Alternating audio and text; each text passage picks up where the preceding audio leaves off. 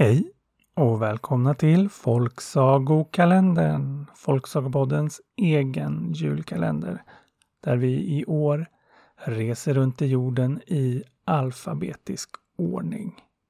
Och idag är det den 22 december, dan för dan. För dan för dopparedan blir det va? Och vi är på bokstaven V. Och om ni är lite som jag är så kanske ni nu börjar förstå att det är ganska många bokstäver kvar och inte så många dagar kvar. Och om ni är lite skarpare än vad jag är så har ni kanske förstått det för länge sedan. Men då undrar ni hur det ska gå ihop. Och det ska jag berätta. Jag har ju använt mig av Utrikespolitiska institutets lista på länder. Och enligt den så finns det inga länder på W, X, Y, Å eller Ä. Vilket gör att det blir 24 bokstäver som det finns länder på. Så efter dagens avsnitt så kommer vi hoppa över två bokstäver innan vi landar på Z, hoppar över två bokstäver till och avslutar med Ö. Så nu vet ni det. Men idag är det alltså V. Och dagens land är Venezuela. Och dagens saga är Den gyllene fågeln. Och den kommer här. Det var en gång en gud som hette Ches som lämnade sitt hus i himlen och begav sig ner för att överlämna en gåva till en hövding som han tyckte hade skött sig extra bra.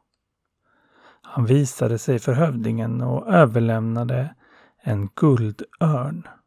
Det var en mycket vacker guldörn som såg nästan helt verklig ut. Ja, i samma storlek som en vanlig örn. Förutom att den var gjord av guld då. Och han förklarade för hövdingen att guldörnen skulle hjälpa honom att nå framgång och vinna segrar över andra stammar. Och det enda han behövde göra, det var att lova att en dag lämna tillbaks den när Chess ville ha den tillbaks. Och det lovade hövdingen. Och därefter blev det som guden hade sagt. Det gick mycket bra för stammen och de vann många segrar och växte sig större och mäktigare. Och hövdingen var mycket tacksam över den gyllene örnen som han alltid hade nära sig. Och han såg inte fram emot den dagen då han var tvungen att lämna tillbaks den. Men den dagen kom aldrig. Utan en dag var hövdingen så gammal att han dog. Men då hade hans son tagit över som hövding och fått veta allt om den gyllene örnen. Och så levde han sitt liv i framgång och med tur tills han dog. Och hans son tog över både hövdingskapet och den gyllene örnen med löftet om att lämna tillbaks det den dagen då guden Ches skulle kräva den tillbaks. Och så där fortsätter det i många generationer. Tills det en dag kom en hövding som inte fick någon son, utan en dotter. Ja, det gjorde ingen skillnad för hennes möjlighet att ta över, utan när hennes pappa gick bort fick hon både hövdingskapet och den gyllene örnen med samma löfte. Och så skulle kanske allt ha fortsatt. Hon var också en mycket framgångsrik hövding och omtyckt. Men en dag blev hon svårt sjuk. Och veckorna gick och hon blev bara sjukare och sjukare. Och ingen av stammens läkare kunde göra någonting fast de provade med alla örter och mediciner de kände till. Och det såg ut som att hövdingen skulle dö. Men då mötte hon i en dröm Chess. Och han sa till henne att återlämna den gyllene örnen vid hans tempel på bergets topp. Och hon vaknade och förstod att det var en sann dröm.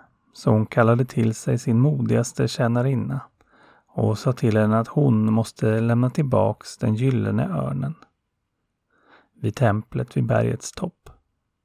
Men tjänarinnan, hon trodde att det bara var en feberdröm som hövdingen haft. Men hövdingen insisterade. Men tjänarinnan sa att det bara var hövdingar som fick besöka templet. Men hövdingen sa att hon skulle gå dit i hennes ställe och därför skulle det vara okej. Okay. Och hon sa att Chess i hennes dröm hade sagt att örnen skulle begravas alldeles till höger om templet och sen skulle hon ropa tre gånger att hon ville återlämna den. Då skulle hon få ett tecken. Och det tecknet skulle visa henne hur hövdingen kunde bli frisk igen. Så tjänarinnan gav sig iväg och klättrade upp för berget. Det var en svår klättring men hon klarade det och när hon kom fram var hon mycket trött. Men använde ändå sina sista krafter till att begrava den gyllene örnen där det var sagt. Och sen somnade hon där av utmattning. Och när hon vaknade igen var det morgonen efter. Och på platsen där hon begravt den gyllene örnen växte nu en vacker buske med färgglada blommor. Och hon hörde en röst från busken som sa till henne att plocka med sig blad och att på bladen skulle det bryggas ett te som hövdingen skulle dricka. Då skulle hon bli frisk. Så tjänarinnan plockade med sig löv från busken men lämnade de vackra blommorna och begav sig tillbaks till byn och gav bladen till läkarna som kokade te på det som hövdingen fick dricka. Och det var i sista stund. Hela natten fick de långsamt mata henne med teet. Men när morgonen kom var hon återigen frisk. Hon fortsatte att leva ett långt och framgångsrikt liv.